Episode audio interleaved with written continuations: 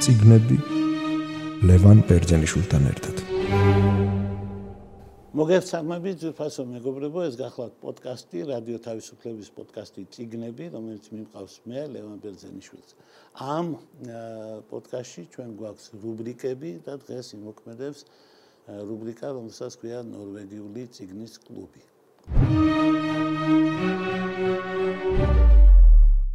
ნორვეგიულ ციგნის კლუბში რუსი მწერლები არიან კარგად წარმოდგენილი. აქ არის გოგოლი, აქ არის ჩეხოვი, აქ არის ტოლსტოის სამი ნაწარმოებით, სამჯერა, აქაა დოსტოევსკი ოთხი ნაწარმოებით. ასე რომ კარგად არიან, აშკარად კარგად არიან წარმოდგენილი. და განსაკუთრებით მნიშვნელოვანია რომ არის წარმოქმნილი ჩეხოვი და წარმოქმნილია არა თავისი დრამატურგიით რომელიც ასე უყვართ დასავლეთში და წამდა უწუმ იდგმება ხოლმე მისი პიესები არამედ ჩეხოვი წარმოქმნილია საუკეთესოთი რაც მას აქვს თავისი მოთხრობებით. ანტონ პავლოვიჩ ჩეხოვი იყო საოცარი კაცი დაბადებული ასე ვთქვათ ჯერ კიდევ მისი ბაბუა ყმა იყო ფაქტობრივად მონა იყო და უცებ ასეთი კაცი შვილი შვილი არის სოფლიოში ერთ-ერთი ყველაზე თავისუფალი ადამიანი რომელიც ერთ-ერთი ყველაზე დიდი კაცი არის სოფლიო წელობიდან რომელმაც გვაჩვენა კარგი კარგი ადამიანები რომელთაც არაფრის გაკეთება არ შეუძლიათ. რაღაცა საოცარი სევდა არის ჩეხოვის თელი შემოქმედება. იგი ტაგანროგში დაიბადა 1860 წელს. ეს იყო ეკატერინოსლავის გუბერნია. ახლა ეს გახლავთ როსტოვის ოლქი და რუსეთის იმპერიის ამ ну მე ვიტყოდი არც ისე პირველ ხარისხოვან ტერიტორიაზე დაბადებული ადამიანები დიდ წარმატებებს ვერ აღწევდნენ ხოლმე. თუმცა აქ დაბადებულმა კაცმა მაინც აალაპარაკა მთელი მსოფლიო. სხვა შორის მინდა გითხრათ რომ დიდი ამბავია ეს ნორვეგიულ ციგნის კლუბში მოხდა იმიტომ რომ ძალიან რთული წარმოსადგენია რომ რომელიმე ენაზე არსებობდეს ჩეხოვის სრულყოფილი თარგმანი. ჩვენ ქართველებმა და ჩვენმა თარგმნელებმა რუსული ვიცოდით როგორ ჩვეულებრივი ენა და ჩვენი თარგმანებიც კი გვეუბნება რომ ჩეხოვი იმის მიათედი არ არის რაც არის ორიგინალის ენას. არადა ეს კაცი არასოდეს არ უსვამდა ხას ენობრივ თავისუფლებას.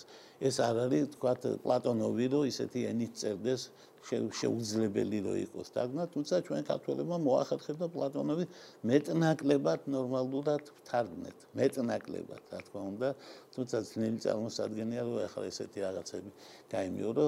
ქართულსაც აქვს საქცევები ისეთი რომელსაც ვერავინ ვერაზოს ვერ თარგმნის მაგალითად რომ ქუთაისში ქარები იცის მაგას ვერ თარგმნის ვერავინ ვერასოდეს ისე როგორც საჭიროა. და რას როგორ თარგმნია გეტყვით ქუთაისი ისეთი ადგილია სადაც ხშირად არის ხოლმე ქარები მაგრამ ეს არ არის ქუთაისში ქარები ქარები იცის. და როგორც დიალექტზე ამბობენ ხანდახან ქარებმა იციან ასეც ამბობენ საქართველოში. ძალიან ხშირად უთარგმნელია ყველა ენა მე მახსოვს ნიკო მარის აზრი რომ ქართულ ენა არ არსებობს აზრი რომელიც ქართულად არ გამოითქმება. ეს არ არის მართალი. არსებობს აზრი რომელიც ქართულად არ გამოითქმება და არსებობს ქართული აზრი რომელიც ფრანგულად არ გამოითქმება. დიახ ყველა ენას აქვს ამ თხრით თავისებურება. და ჩეხოვი იყო ოსტატი ენის ოსტატი. რომელიც არასოდეს არ უსვამს ხას რომ ენის ოსტატია. განსხვავებით სხვებისგან რომელიც აუცილებლად ხას უსვამს კონსტანტინ გამსახურდიას უყვარს თავისი ენობრივი ქსოვილის წინ წამოწევა და ხაზგასმა ნახეთ ასეთია. ასე უყვარს ქართველი წერილების უზარმაზარ ნაწილს. ერთადერთი კაცი მე ვიცი რომელიც არის ენის უდიდესი ოსტატი, მაგრამ არ უსვამს ამას არასოდეს ხალხ, ხალხ ეს არის ჩვენი დიდოსტატი მე-19 საუკუნის გიგანტი დავით ყტიაშვილი. მხოლოდ მას აქვს ეს არადა სწორედ ენაში არის მისი ძალა, მაგრამ არ უსვამს ხას. თორე რუსთაველიც უსვამს, კალაქტიონიც უსვამს, ბარათაშო ყველა უსვამს. აი მომაქცეთ ყველა, ნახეთ რას ვაკეთებ. ჩეხოვი ამ ხრი მოკრძალებული. საერთოდ ესა მოკრძალების ავტორი. არადა თუ შეისწავლით ანტონ ჩეხოვის შემოქმედებას, აღმოაჩენთ, რომ მას ასამდე ფსევდონიმი ჰქონდა. რას ნიშნავს ასამდე ფსევდონიმი წელი შემთხვევაში? დიდ ამბიციას. უზარმაზარ ამბიციას ნიშნავს. ანუ თვითონ ჩეხოვი კი არ იყო მოგზალებული კაცი. მოგზალებული კაცი კნიპერს როგორ მოიყვანდა ცოლად? ვერ მოიყვანდა ვერა მსახიობი ქალის ძოლად მოყვანა არ არის იოლი ამბავი მეწერალი კაცისთვის რომელსაც ფანტაზია აქვს და ფანტაზია რა თუნდა მსახიობი ქალი არის ძიმე მეუღლე რა თქმა უნდა რა თუნდა მაგას დიდი ფანტაზია ეს ქალი ყველას უყვარდა არ არის იოლი ასეთი რამ მახსოვს რომ სარტრმა თქვა ასეთი ფანტასტიკური ფრაზა. სიყვარული არ არის ფლობა. სიყვარული არის თავისუფლების მიცემა. ეს შეეძლო ეთქვა რომ კნიპერს უთხრა ჩეხოვმა. მე არ მინდა ახლა ბიოგრაფიის ელემენტებში შევიდე მაგრამ ერთი რამ მინდა გავიხსენო ჩემი ცხოვრებიდან. როდესაც აღმოჩნდი თბილისში კგბ-ს იზოლატორში იქ ციგნები უნდა ყოფილიყო საერთოდ კგბ-ს შესანიშნავი ბიბლიოთეკა ქონდა მაგრამ თურმე დაუტაცებია და სახში წაუღიათ. რა თუნდათ არ ვიცი ჩეკისტებს მაგრამ მოკლედ მე ის არ დამხვდა. იქ არ დამხვდა ის ციგნები რომელიც სახლებიდან მიქონდათ და ვითომ კგბ-ს ბიბლიოთეკას აბარებდნენ მაგრამ რაღაცები დამხვდა და ყველაზე დიდი სიმდიდრე რაც იყო იყო ჩეხოვი სრულად. ყველა ტომი. და მე ვარ კაცი რომელმაც თბილისის კგბ-ს იზოლატორში წაიკითხა ჩეხოვის ის ტომებიც კი სადაც პოტაპენკოსთან და სხვებთან მიმოწერა ჩორლელ წერილები. და მე ვიყავი გაოგნებული. მე ვიყავი გაოგნებული ამას ყარაზუს არ წავიკითხავდი ახლა მინ კითხულობს საერთოდ. ეს დაახლოებით ისაა რომ ვინმე წაიკითხოს ხომეროსთან ხომალდების კატალოგი მე წავიკითხე და ვთარგმნე მაგრამ არ ვარ დარწმუნებული რომ ამის მერე ქართულად ვინმე კიდე წაიკითხა იმიტომ რაღაცა თვითონ გეუბნება რომ უნდა გადაფუცლო ერთხელ მარსელ პრუსტმა თქვა ვისაცო ბუნების აღწერა სულიერი მდგომარეობის აღწერა და ეგეთი რამეები არ გიყვართ ციგში და გადაფუცლავთ ხოლმეო ჩემი ციგნი ხელში არ აიღოთ, იმიტომ გადაფუცლას რომ დაიწყებ პირველი გვერდიდან ბოლო გვერდამდე გახოთ, იქ წასაკითხი არაფერი არ დაგხვდებათ. ჩეხოვი არის კაცი, როგორც გითხარით, ენის დიდოსტატი, ფსიქოლოგიის დიდოსტატი და დიდოსტატი მცირე ფორმის. დიდი მწერლები წერენ მოთხრობებს და მე წერენ რომანებს და ამბობენ რომ ამისთვის წერდნენ მოთხრობებს, არჯიშობდნენ რომანის დასაწერად. ამას წინათ ჩვენმა ერთმა მწერალმა საბას მინიჭების დროს, როდესაც იგი თვითონ საბას პატრონია, ამ წუთას სხვას ანიჭებდა ამ პრემიას, ქება და დიდება აღუვლინა და დითი რამბი უმღერა მოთხრობას როგორც ფორმას. და თქვა რომ მოთხრობის წერლებო ნუ გახდებით აუცილებლად რომანისტები. ეს იყო რუსუდან რუხაძე. მე ძალიან სერიოზულად მენიშნა მისი ნათქვამი იმიტომ რომ ჩეხოვი იყო კაცი რომელსაც ბევრი ეუბნებოდა შენ რომანს დაწერდი რომანს და ყველას გონია რომ თუ ჩეხოვია რომანსაც დაწერს. არა მეგობრებო ალის მანრო და ჩეხოვი რომანებს არ დაწერდა ისე როგორც რომანს არავითარ შემთხვევაში არ დაწერდა ბორხესი არის ეს ფორმა. და ამ ფორმაში ჩაეტიო ეს არის გენიალობის ერთი განსაკუთრებული ნიშანი. ჩეხოს აქვს ერთი მოთხრობა ქვია სიყვარულის თაობას ალუბვი სიყვარულის შესახებ. რა არის ახლა ეს მოთხრობა? ეს მოთხრობა არის სიყვარულზე კაც და ქალს უყვართ ერთმანეთი. კაცი უცოლშვილოა ქალი გათხოვილია ეს კაცი ამ ოჯახში მოხდა და აღმოაჩინა რომ ის კაცი იმ ქალის ქმარი. კაი კაცია პატიოსანი კაცია წესიერი კაცია მაგრამ უსაფუძვლო კაცია, უხერხემლო კაცია, გაუბედავი კაცია და არაფერიც არ არის ინდოეთში, კაი კაცი არის, მაგრამ მეტი არაფერი. ქალი არის მაღალი კოხტა აწყობილი ტანის ამას სტროინა ისე ამბობს ჩეხოვი რომ ერთი სიტყვით აქვს. და ქერა ლამაზი ჭკრიანი ამ ჩვენს უცელშვილო კაცს და ამ ჩვენს პატიოსან კალს ერთმანეთი უყვართ, მაგრამ ამის შესახებ ერთმანეთს ვერ ეუბნებიან. იმიტომ რომ კაცი ფიქრობს, ოჯახშია არ დაუნგრიო ბედნიერება, შვილები ყავთ. და ხშირად დადის იქ ბავშვებს ეთამაშება, ბავშვები ბიძას ეძახიან, ნათესავით არის. ვერასოდეს ვერ გამოხატავს ამ ქალისადმი გზნობას. ქალიც ფიქრობს, კი მიყვარს, მაგრამ რო უთხრა ახლა რა დისკომფორტ შეუქმნი, იქნებ ჩემზე საფიქრელი არა მოკლედ ვერა ვერ ამბობ. და ბოლოს და ბოლოს მის ქმარს მიუხედავად მისი უნიათობისა მაინც დააწინაურება სადღაც უნდა გადავიდეს და სამუდამოდ შორდებიან ერთმანეთს. და არაფერი ძალიან ისე თავაზიანად, რა თქმა უნდა, კაცი იყო სადგურში, გააცილა ყველაფერი თვითონ ყვება მე ამ ამბავს ერთ-ერთ წვეულებაზე, ყვება რა არის სიყვარული. და უცებ გაიყვა რომ შვიდა დაშორდნენ ერთმანეთს ნახვამდის ყველაფერი ავიდა კალი და ერთ-ერთი ნიფთი დარჩა. და კაცმა ეს ნივთი აუტანა. და ის ადგილი ყუპე აღმოჩნდა ისეთი ადგილი სადაც არ შეიძლება და ის ბოლო წერტილია იმიტომ აი ახლა ხედავ მეც ვეღარ დაინახ.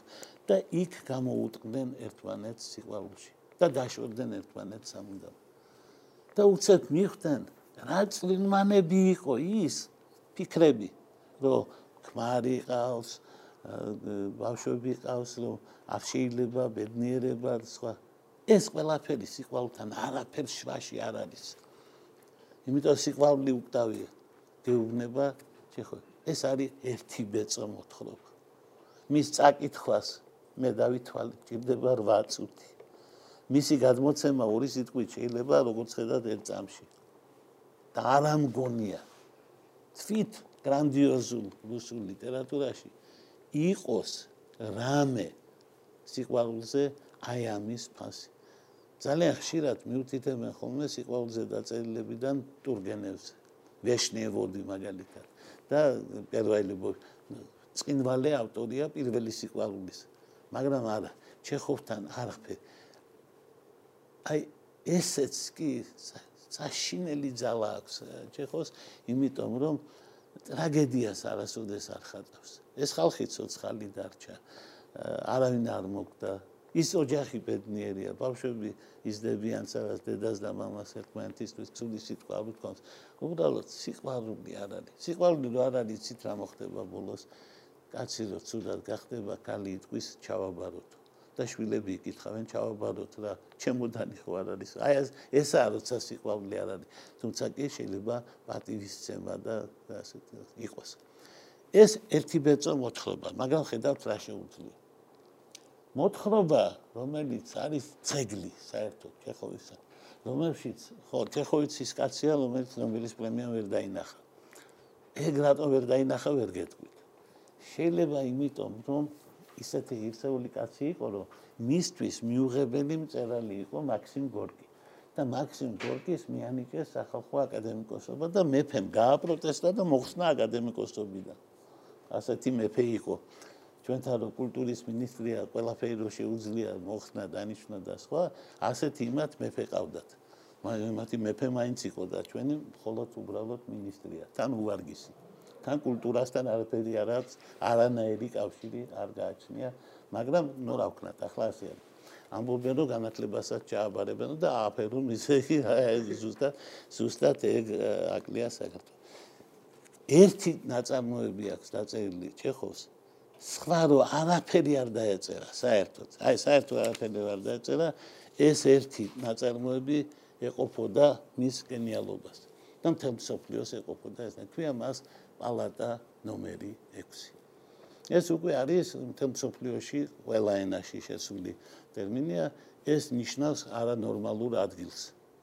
მე შევედი და იქ იყო პალატა ნომერი 6, ფრანგი იტყვის, ქართველი იტყვის თუ ჩინელი, ყველამ გადასარევად იცის რა ციგულისხმება. ეს არის სამწოფოს ფლიგელი, სადაც არის ეს პალატა ნომერი 6, იქაურობა ყარს, კომბოსტოს, კამფორის, ნამწვის, ბაღლინჯოების, ამიაკის სუნით. და ასე შედიხარ და ეგრევე გონია რომ შედიხარ სამხეთში. იქ ადამიანები არ უნდა იყვნენ, მაგრამ იქ ხუთი ადამიანია. აქედან პირველი არის გამხდარი მეშანინი, რომელსაც წითელი ულვაში აქვს და ძალიან ნამტირალები, თვალები მუდმივად.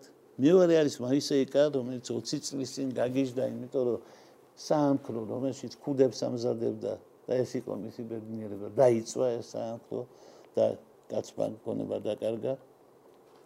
მესამე არის სასამართლოს პრისტავი ივან დიმიტრიევიჩ გრომოვი. ძალიან მნიშვნელოვანი და ერთ-ერთი მთავარი ფიგურა ამ მოთხრობაში. მამამის ჯერ უფროსი ვაჟი მოუკვდა.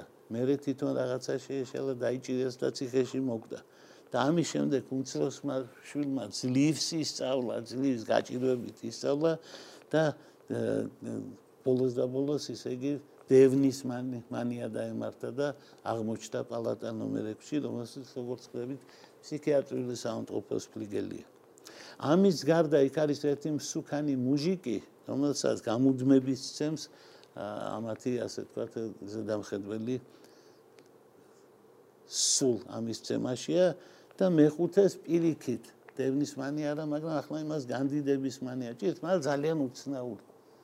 უცნაური განდიდების მანია მე გამიგია კაცი რომ ამბობს რომ მე ვარ მეფე, მე ვარ ნაპოლეონი, მე ვარ პროკურორი, მე ვარ ღმერთი და ზევსი ვარ და რა.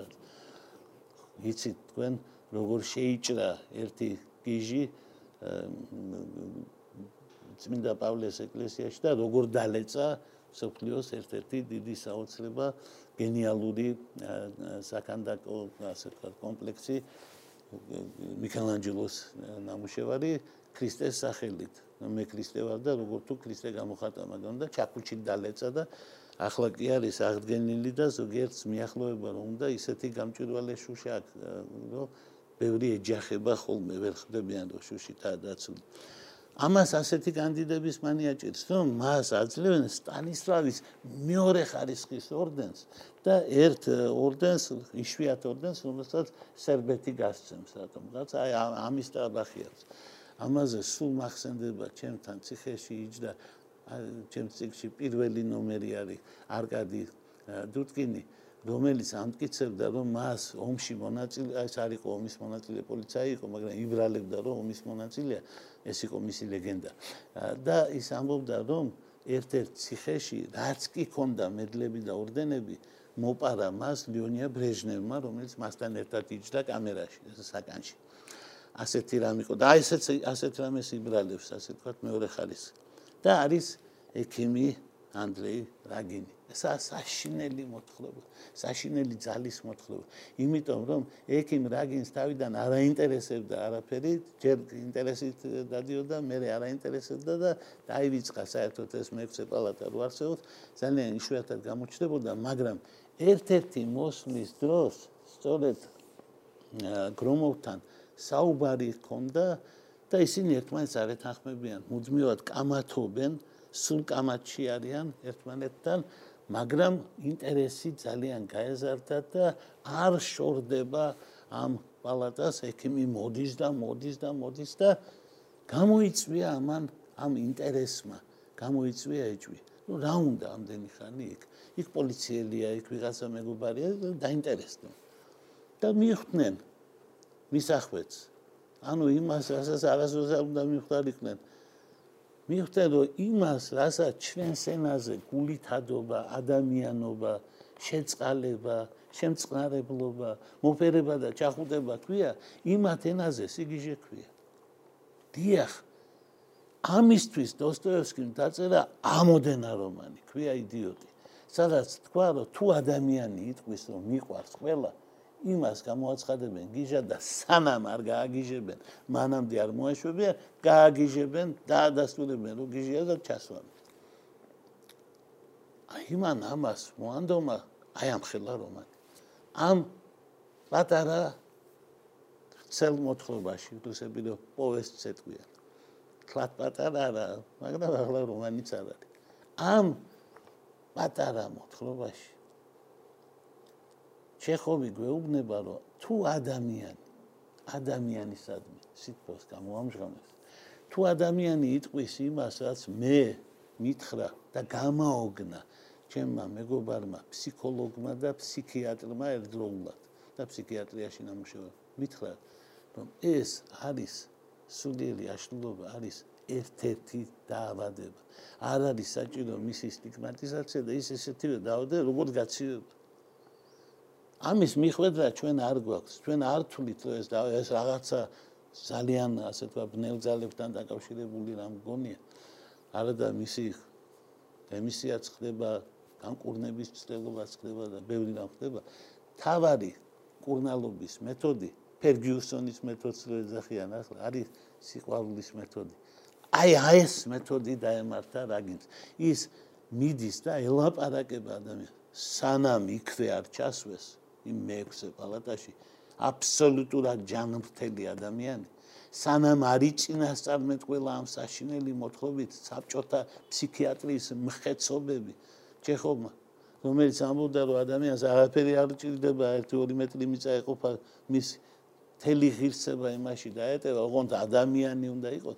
სანამ არ მოატა არ მოისვენა არც სახელმწიფო არც მეგობრობა არავინ ვინ გაპატიებს ადამიანობას თურმე და წარმოიდგინეთ ასეთი ძალა ასეთი წარმოუდგენელი ძალა არის ადამიანში რომელიც აუცილებლად მოგძალებული ვარ. მეფემ რომ მოხსნა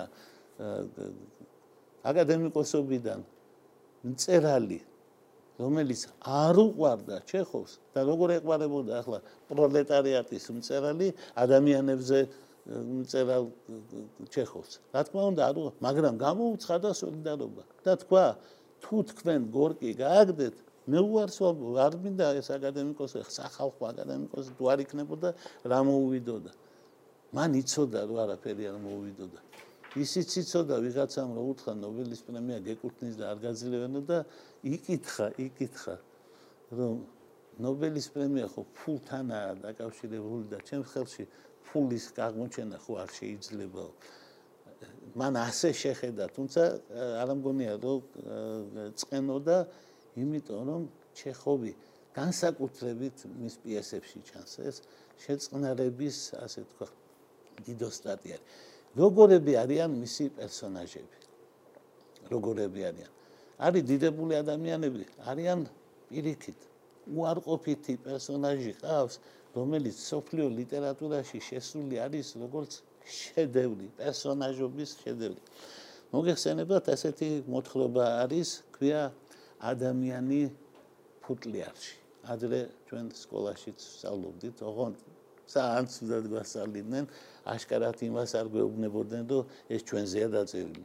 სულ გვეუბნებოდნენ აი ვიღაცა არის ეგეთი და შენ ხო ასეთი არ იქნებ. ადამიანი ფუტლიარში ეს არის საშინელი მოთხრობა ჩემთვის. იმიტომ რომ ეს მოთხრობა კაცმა რომ თქვას რაღაც ნიშნების მიხედვით ჩემზე უნდა იყოს და არ არის ჩემზე მე იმედი მაქვს. რატომ რატომ უნდა იყოს ჩემზე გეტყვით. მისი მთავარი მოქმედი გმირი არის ჩემი პროფესიის კაცი. ანუ ძველი ბერძნული და ლათინური ენების სპეციალისტი, რომელიც ამას ყველაფერს გიმნაზიაში ასწავლის. გვარი მისი არის ბელიკოვი. ეს არის სოფელი მირონოსიცკი, სადაც სადამხედველი არის, ასე ვთქვათ, პროკოფი და მის ფარდულში ღამე ისვენებენ მონადირეები, რომლებიც აქ არიან ჩამოსული, ერთ ქვია ივან ივანოვიჩი და აქ ძალიან უცნაური გვარი ჩიმშა გიმალაისკი, რომელზეც ავტორი ამბობს, საოცრად არ უხდებოდა ეს გვარი ხო, ახლა გიმალაისკი ჩიმშა გიმალაისკი არავის არ მოხდება ალბათ და ივან ივანოვიჩს ივან ივანოვიჩს ეძახდნენ და მეორე კი იყო კაცი, ესე იგი მასწავლებელი ბურკინი. ესენი არიან კაი მონადირეები და უყვართ ხოლმე საუბრები ხამე არ ეძინებათ, თივაზე არიან წამოწმული და საუბრობ. და ბურგენი იხსენებს, რომ მასთან გიმნაზიაში დიდხანს იმოღვაწეა ვინმე კაცმა ბელიკომა, რომელიც იყო, როგორც გითხარით, ბერძნული და ლათინური, ანუ მკვდარიენების სპეციალისტი. ხო და მკვდარიენებთან ერთად ეს კაციც იყო ყველანაირად მკვდარი. მას ჰქონდა კოლგა, რომელიც რა თქმა უნდა რაღაცაში იდო. მას ჰქონდა დანა, რომელიც ასევე იმასაც თავისი ჩასადები ჰქონდა ყველაფერს. ყველა ეს იყო კაცი, რომელიც თვითონაც ჩადებული იყო რაღაცნაირად ფუტლიარში. ძველი ბერძნული და ლათინური ფუტლიარია. ანუ ამ ძველ ენებში იმალება ადამიანი. ხო, ჩემგან საყვედური ჩეხობს, რომ მაინდამაინც ეს პროფესია აირჩია, მაგრამ რა თქმა უნდა, რა თქმა უნდა, იგი ძალიან კარგად ჩაწდა იმას, რომ გიმნაზიაში რო ბერძნული ისწავლება, და გიმნაზიაში ლათინური სწავლება ეს ჰომეროსის ბერძნული არ არის. ეს გიმნაზიის ბერძნულია რომელიც გეუბნება რომ შენ აგერ ახლა ჩვენს დროში აგერ ძველი ამბები ისწავლე ოღონ წნარად იყავი და თვითონ ეს კაცი არის ფუტლი არის ჩამომოხობი ყველაფერს. ერთხელ ცხოვრობდი საოცარ ადგილას ტაილანდში. ძალიან საინტერესო 60 სართულიანი ის იყო რა ქვია, სასტუმრო, ნამდვილი ასე ვთქვათ, ცათამჯენი და ამ სასტუმროს ზემოდან ჩამოცმული ქონდა შუშის ხუფი. და ირგვლივ და დაახლოებით 50 მეტრის რადიუსში ან ხო 50 მეტრიანი იქნებოდა დაახლოებით ეს რადიუსი ამ წლებში იყო და იქ ყველგან იყო ერთი კლიმატი ანუ ამ თელ ხუფს უკეთებდნენ კონდიცირებას და არა ცალკეულ ოთახებს. და ოთახი და ეს იყო 64 იმიტომ რომ ტაილანდი არის ქვეყანა სადაც თუ ვინმე მარიცით ესე გაუფრთხილებლად არ წახვიდეთ. იმიტომ რომ როგორც კი აეროპორტიდან გამოხვალთ იმ წელს მოკვდებით. იმიტომ ხაერი არ არის. და ტენიანია. მე ვიყავი მშრალ პერიოდში და დავიკელი კაცმა ორ კვირაში 12 კილო ისე რომ საჭმელს ასმელი არ მიმიკლია მაგრამ შარვალსაც უწურავდით არა მარტო პერანგებს შორტები ციალული არ შეიძლება მეფემ თქვა არაო ყველგან მეფის სურათები იყოს ვაჩორის სადაც მეფეს და ფოტო აპარატი ქონდა ჩამოკიდებული და მეთქვია მეფე ტურისტი არა ეგ ნიშნავს რომ მეფე ყველაფერს ხედავს მეფე ყველაფერს აფიქსირებს. აი ამისთვის ყოფილა. მოკლედ ესენი მონადირეები ერთმანეთს უყვებიან ამბებს და აიყრება ბელიკოვზე. რომ ამ ბელიკოვმა ყველა სისხლი გაუშლო. იმიტომ რომ მისი მთავარი გამონათქვამი იყო ვაიმე რამე არ მოხდეს. კაბი ჩივო ნივისლა ეს არის. და ამიტომ ის ფიქრობს რომ აი მაგალითად მოსწავლე არის ხო ვიღაცა? პეტროვი ან ეგოროვი გასარიცხია. და ჩვენ მეუბნებით არა არა გასარიცხი მაგრამ მე ყველაფერი ხდება ისე რომ ისიც ირიცხება ისიც ანუ ეს არის კანონდებელი ეს ამბობს ეს ამ თავარი მოქალაქე იმიტომ ესა ადამიანი რომელიც რაღაცა ჩაჩურთული არის ამ ფუტლიარში და სულ სულ დრამებს აკეთებს. სულ და სულ აბეზღებს და სხვა და ამ ამის ნილოსტატია და მოულოდნელად ამ გარემოში სადაც აი ასეთი კაცის ადგილი არის. სადაც არის კაცი ფუტლიარში და სადაც მთელი ქვეყანა და რუსეთის იმპერია არის ფუტლიარში. აი ამ ადგილას გამოჩნდება მალოროსიელი ადამიანი. ანუ რუსეთის თავი პრობლემა ყოველთვის ყოფილა უკრაინა, როგორც ამ მოთხრობიდან ჩანს. მალარასიისკი ხალხი გამოჩნდება, უკრაინელები გამოჩნდებიან და იმ ვითარებაში, როდესაც ხალხი შეძრინს, ტურგენევს კითხულობს და რაღაცნაირად ცდილობს, რომ წესრიგში იყოს ასე თქვა. იმ ვითარებაში, როცა ვიღაცა ყველაფერს ჩიხოლს აფარებს და ყველაფერს შალითას აფარებს და ყველაფერი დასამალია და ფუტლიარში აქცევს ყველაფერს. ამ ვითარებაში ჩდება გულწრფელი პატიოსანი ხალხი. კოვალენკო და მისი და და მოხდა ამბავი. კოვალენკოს და გამოხატა რომ არა წინააღმდეგი 30 წლის ასაკში არა პირველ ახალგაზრდობაში, კარგი ლამაზი ქალია, 30 წლის ასაკში გათხოვება შეუძლია და ბელიკოვს შეიძლება გაყვეს და მთელი გიმნაზია მოცული ამ იდეით. დირექტორისა რომელიც ქალია მოცული არის ამ იდეით, რომ იქნება იქნება დაწყნარდეს ეს ბელიკოვი და იქნებ კაბიჩივო ნივიშლა კი არა, კაბიჩივო ვიშლა, იქნებ რამე გამოვიდეს. და ამ ქალთან უნდათ რამენერად შეაჯახონ. იმასაც ეთყობა, მაგრამ რა კაცია ბელიკოვი, მოვა თქვენთან დაждდება და არაფერს არ ამბობს. ზის ზის მე რადგება წავა. ასე იქცევა ამათანაც. მოამ კოვალენკოსთან დაждდება, ამ ქალს არ ეუბნება არაფერს, არ გძნობინებს და სამაგერო ძმა ფიქრობს, რომ მის დას მოწონს, არ მოწონს, ეს მისი პრობლემა და თვითონ მას არ მოწონს. და ეს ეუბნება, რომ შენო თავისუფალი აზრები გაქვსო, ეს არ შეიძლება უფროსობას უნდა გავაგებინოთო და იმდენად მოუშალა ნერვები, რომ კიბეზე დააგორა. მართალია არაფერი არ მოსვლია ფიზიკურად სერიოზული, მაგრამ როგორც ჩანს მორალურად წააქცია, იმანო ვიღაცა მას არ ექცევა ისე როგორც საჭიროა და ჩაწვა და მალე გარდაიცვალა კიდევაც. ამ ლაპარაკში ძირითადად დაიხატა პერსონა რომელიც არის ყველაზე დიდი განსაცდელი რუსეთის იმპერიაში.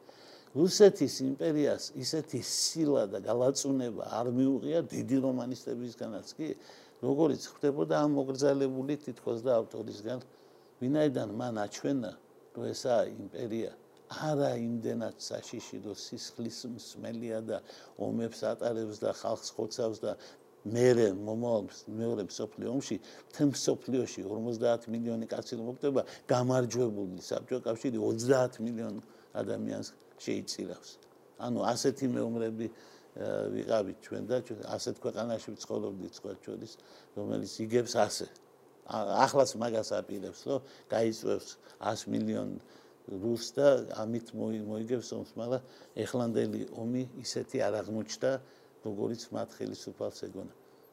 ხო, რუსეთს დღესაც ყავს კარგი მწერლები, მაგრამ ჩეხოვისნაირი მწერალი არ აღმოაჩნდა. არ აღმოაჩნდა, რომელიც აჩვენებს იმ სისუსტეს, რომელიც ამ ნაციას აქვს, როცა მას ხმის წესიერად ამოღება არ შეუძლია. აი ასეთი ცხოველი, არანორმალური, მხეცი, იდიოტი მოიყვანეს სათავეში და ხმის ამოღება არ შეუძლია. ხმარო ამოიღონ ამისთვის საქართველოსი ჩამოდიან და აქ ჩუმად გვეუბნებიან ყურში თან საჯაროდ აქაც ვერ ვერ ბედავენ მაგრამ მე მინდა ვთქვა ჩეხოვთან დაკავშირებით.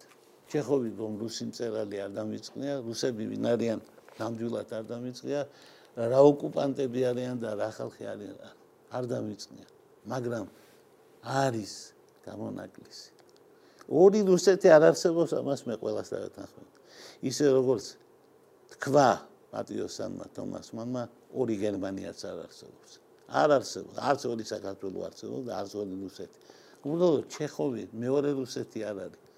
უბრალოდ ჩეხოვი იყო მე მგონი მთელს იმპერიაში ერთადერთი პატიოსანი კაცი, იმიტომ რომ უდიდესი მწერლები ტოლსტოი და დოსტოევსკი, როდესაც პიროვნებაზე გადახვიდოდით, აბსოლუტურად არ იყვნენ ისეთი ადამიანები, იმპერიას რო არ ეკადრება და იმპერიაში რო არ ჩაეწერება, გადასარევად ეწერებოდა ერთის და მეორეს. აი ჩეხოვი არ ეწერება იმპერიაში, ამიტომაა დასაფასებელი.